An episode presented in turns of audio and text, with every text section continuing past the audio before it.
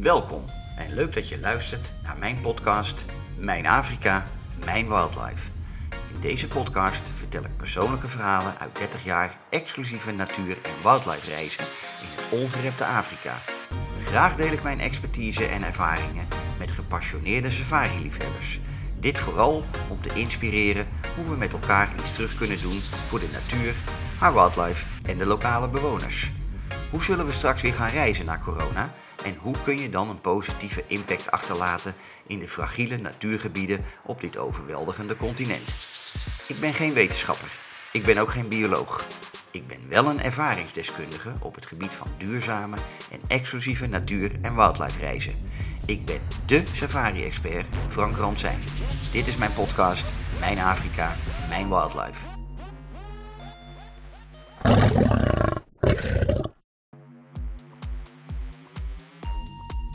In deze aflevering. Wat maakt een safari toch zo'n bijzondere ervaring? De voor- en nadelen van reizen in het droge of natte seizoen. En ditmaal een voorbeeld van het echte conservationwerk in het veld, wanneer het er ook echt op aankomt.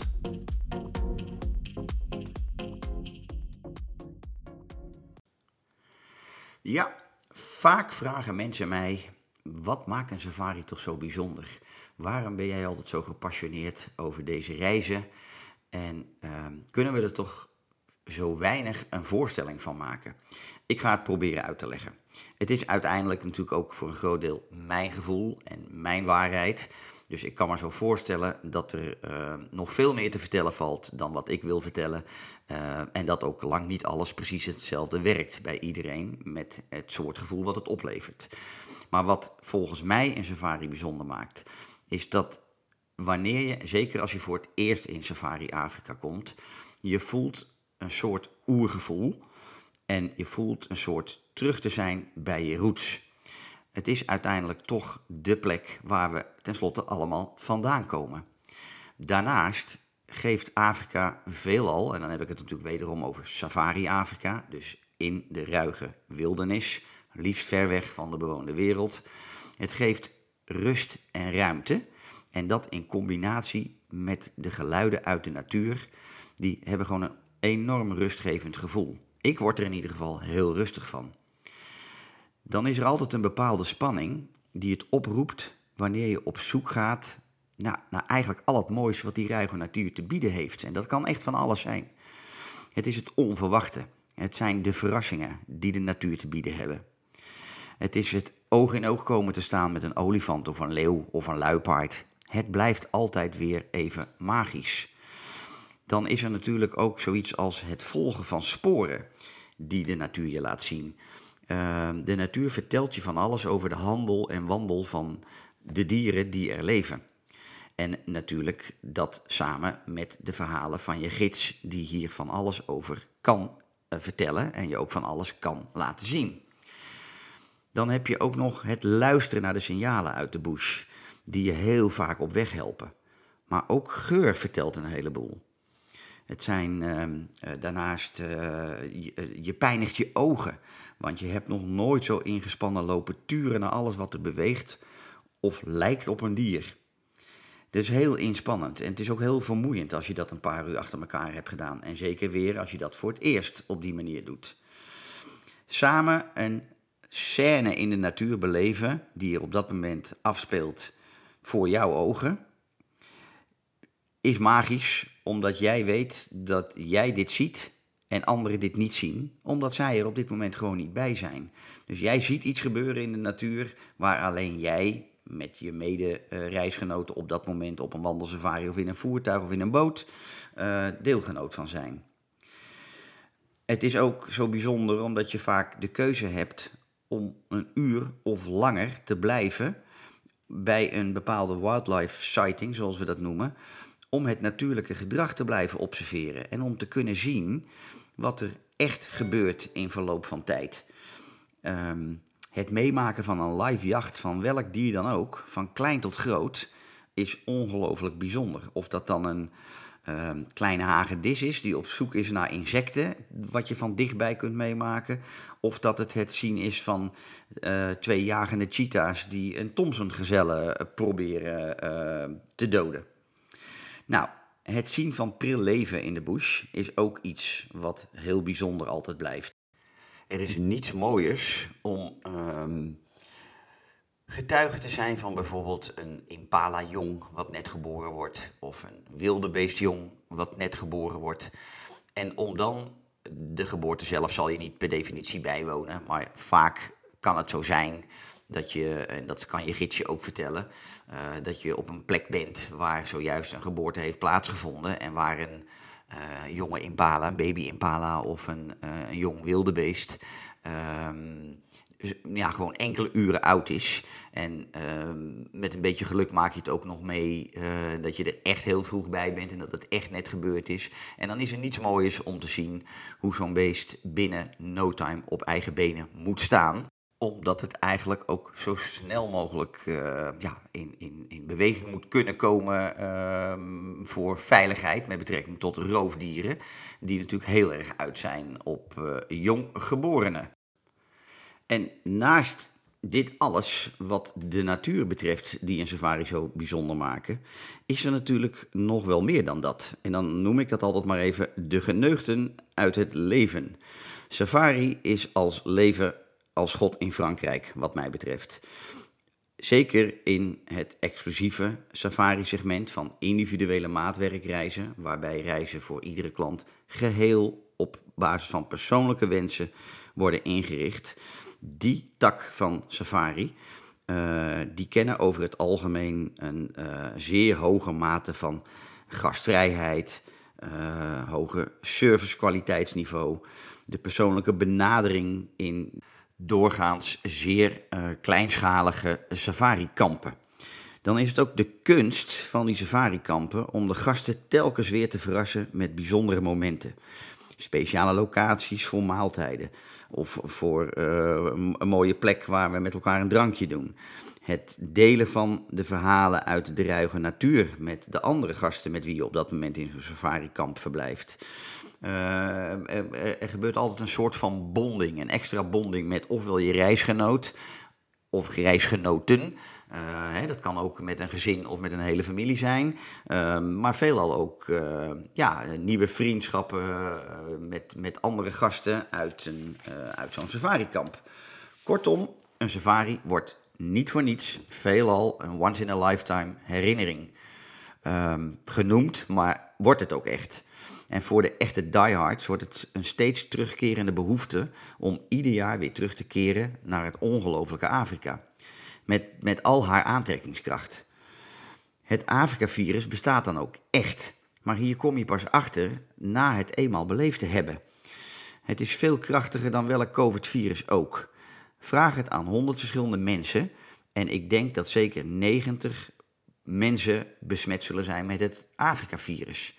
En dat is best een hoog R-getal. Ik hoop hiermee een klein beetje uh, ja, te, te verhelderd te hebben wat Safari toch tot een zo bijzondere ervaring maakt. Dan nu een ander uh, onderwerp waar ik uh, veel mee te maken heb gehad in uh, al die jaren van het voorzien en adviezen geven aan klanten die op safari wilden gaan. En dat was dan de opmerking uh, ja, de voor- en nadelen van reizen in de droge of in het natte seizoen.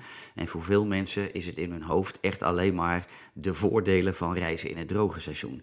Daar wil ik graag iets meer over delen. Ik heb dan ook heel vaak die vraag gehad van ja, uh, maar ik kan toch niet in de regentijd reizen, want uh, dat betekent toch dat je hele reis ehm, um, ja, benadeeld wordt. Nou, ik denk dat dat zeker niet in alle gevallen, en in heel veel gevallen zelfs helemaal niet aan de orde is. Um, maar dat probeer ik uh, een klein beetje uit te leggen. We beginnen met alle voor- en nadelen die het droge seizoen kenmerken. Veelal valt het droge seizoen in veel Afrikaanse landen in onze vakantieperiodes. En dan vooral uh, met betrekking tot Europa. Dus het is vooral ook een heel logisch en praktische uh, periode om in te gaan reizen. Er valt doorgaans geen regen. Al is dat de afgelopen jaren natuurlijk ook geen garantie meer. En dat heeft gewoon alles te maken met de klimatologische veranderingen die we uh, die we ondergaan, waardoor het ook geen zekerheid geeft. Maar natuurlijk, veelal zal het droog zijn in de droge tijd. Mensen denken vaak dat het dan lekker warm is. Ja, dat is niet altijd juist, want het betreft voor veel landen, vooral in Zuidelijk Afrika, dat het dan in die vakantieperiodes uh, winter is. En dat betekent dat de temperaturen echt gewoon heel erg laag kunnen zijn. Vooral s ochtends en s avonds kan het zomaar tussen de 0 eh, en een graad of 10 zijn. Uh, wat uh, een gevoelstemperatuur oplevert van nog lager. Zeker wanneer je in een open Land Rover s'morgens vroeg en s'avonds tegen, tegen donker op safari gaat. Dan is het natuurlijk zo dat hoe droger het is, en dus hoe later in de droge tijd, hoe meer het wild zich zal concentreren rondom de nog aanwezige uh, waterreservoirs en waterpoelen. de, natuurlijke, de natuurlijke wateropslag die er op dat moment nog voorhanden is. Um, dat betekent dat, het, dat je meer kans hebt op het zien van roofdieren die door hoge concentraties aan ander wild hun prooidieren voor het grijpen hebben. En ja, dat is absoluut een voordeel. En zeker mocht je het geluk al hebben om iets hiervan uh, mee te kunnen maken.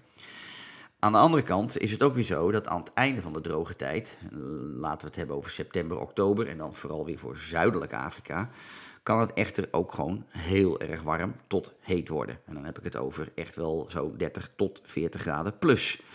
En dit vindt ook weer niet iedereen even fijn. Maar voor de echte koukleumen onder ons is het absoluut een voordeel. Maar droge tijd heeft ook nadelen. Nou, een ander nadeel is dat we in de afgelopen 30 jaar, naar mijn mening, veel te veel gefocust hebben op deze droge periodes. Want dat is ons geleerd in de boekjes. Uh, dat je dan vooral op safari moet gaan. Uh, maar daardoor is het ook wel op sommige plekken gewoon druk geworden. En dan is druk een relatief begrip. Maar ik denk dat voor de gemiddelde safari-liefhebber uh, het druk is als hij ziet dat hij met tien voertuigen ehm, op een bepaalde wildlife sighting ehm, staat. Uh, of dat je achter elkaar aan rijdt met een aantal voertuigen omdat er iets bijzonders gesignaleerd is. Dat is wat wij dan in de safari-industrie als druk bestempelen.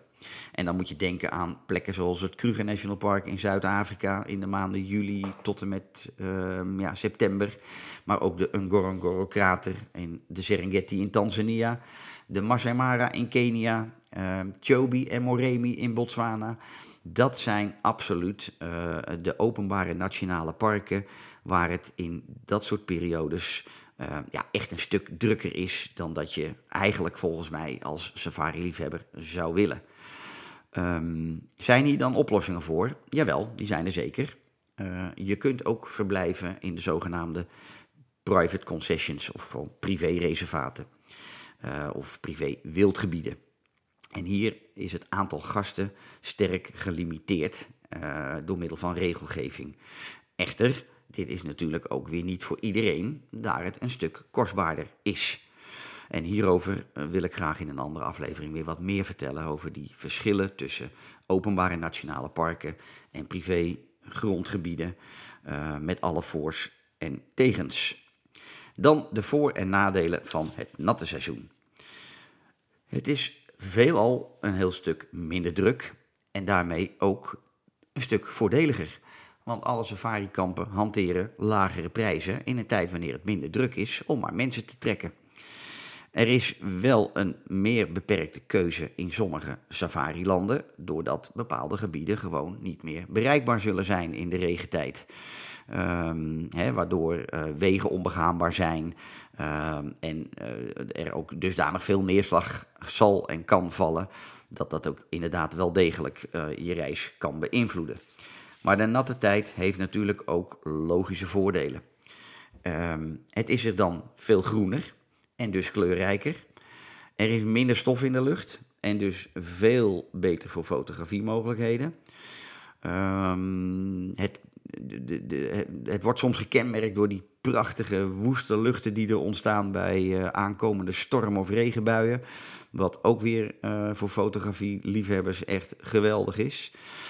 Eh, in de natte tijd zijn er over het algemeen natuurlijk veel meer vogels in Afrika eh, te zien. En vooral ook de trekvogels die zich dan allemaal in Afrika ophouden vanwege de warme temperatuur. En dus is het absoluut een populaire periode voor vogelliefhebbers. Uh, in een natte tijd laten sommige dieren zich gewoon beter zien. En dat heeft alles te maken met op het moment dat het al geregend heeft en dieren koud zijn geworden van uh, deze nattigheid, dat ze zich vaak veel actiever uh, laten zien. Uh, en ook veel meer in die open laten zien. Um, en daar heb ik wel een mooi voorbeeld van. Ik ben een keertje in de regentijd, in de korte regentijd, in de Serengeti in Tanzania geweest. En het is misschien wel een van mijn beste wildlife uh, weken geweest ooit. Want ja, het regende iedere dag een beetje, soms wat harder. De, de echte stormachtige regenbuien waren s'nachts. Overdag miezerde het wel eens. En dan zo gauw het zonnetje doorkwam, dan lieten al die leeuwengroepen zich allemaal zien. Die lagen allemaal te zonnen op die grote rotspartijen in de Serengeti. En ik heb nog nooit zoveel leeuwen gezien in mijn leven als in die week. Honderden. En ik kan alleen maar zeggen, uh, ik vond dat zo'n bijzondere openbaring, uh, dat ik het je kan aanbevelen. Tot slot, in deze aflevering wil ik jullie meenemen naar een, reddingsactie die we noemen het echte conservation werk in het veld. Een aantal jaar geleden was ik op reis in Kenia op het Laikipia-plateau, een van mijn favoriete bestemmingen in Afrika, waarover ik vorige keer ook al iets verteld heb. En wij waren te gast in het uh, ja, voor ons zo geliefde Loisaba. De Loisaba-wildernis is een een gebied zo groot als de provincie Utrecht, gelegen op het Laikipia-plateau in noordelijk Kenia.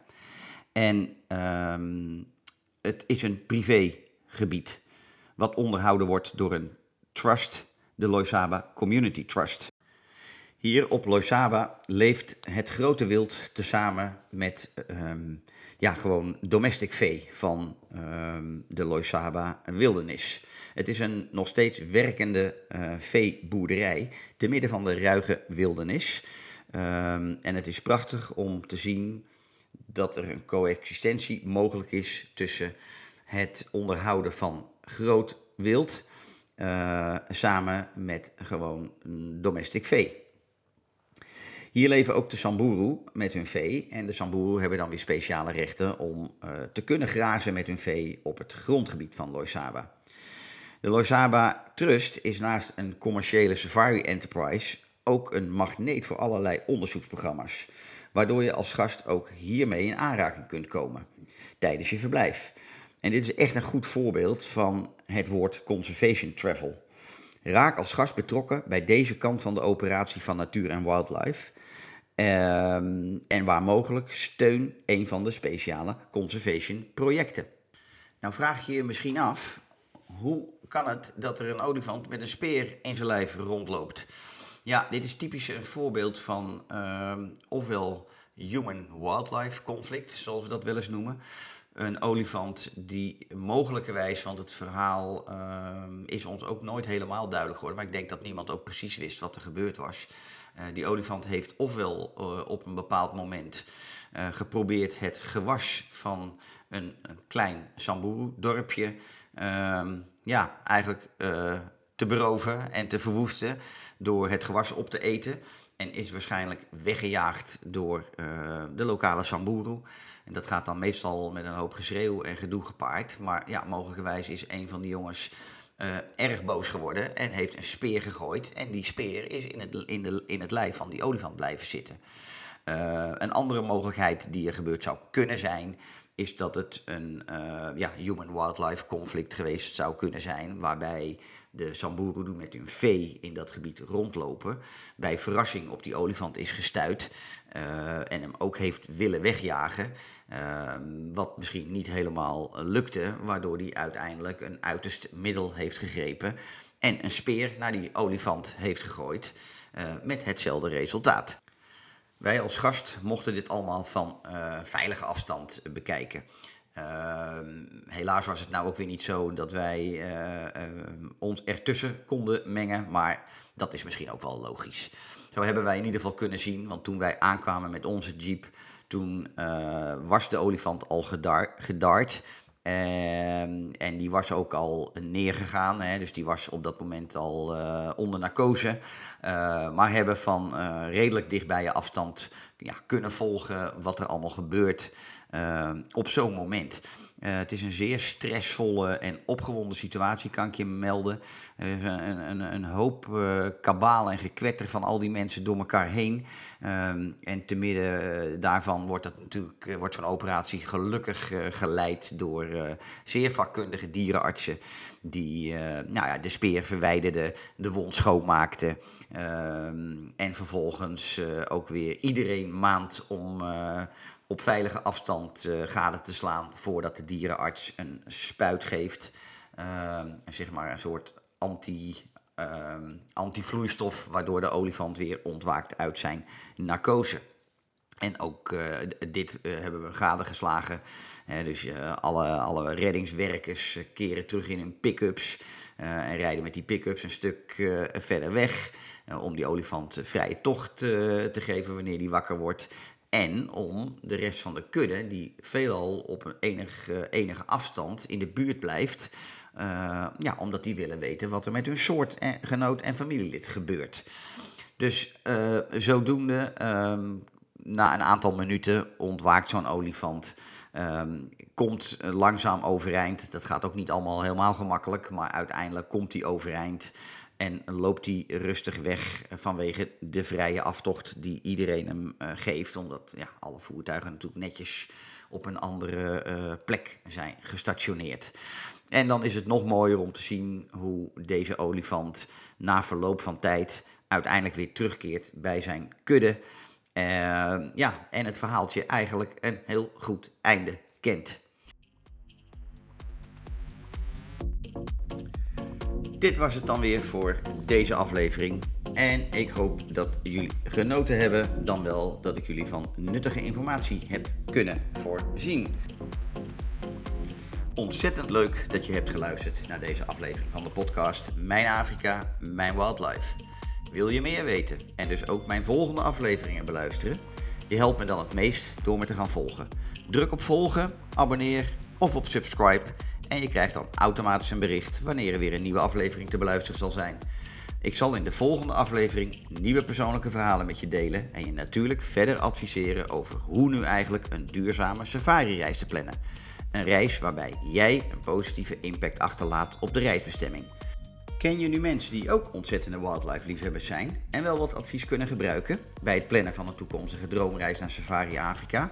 dan zou ik het ontzettend leuk vinden als je deze podcastaflevering met hun zou willen delen of zou willen doorsturen. Er komt hoe dan ook weer een tijd dat we allemaal zullen gaan reizen. Dat we dit zullen doen met veel meer betrokkenheid bij de natuur en onze planeet, dat staat vast.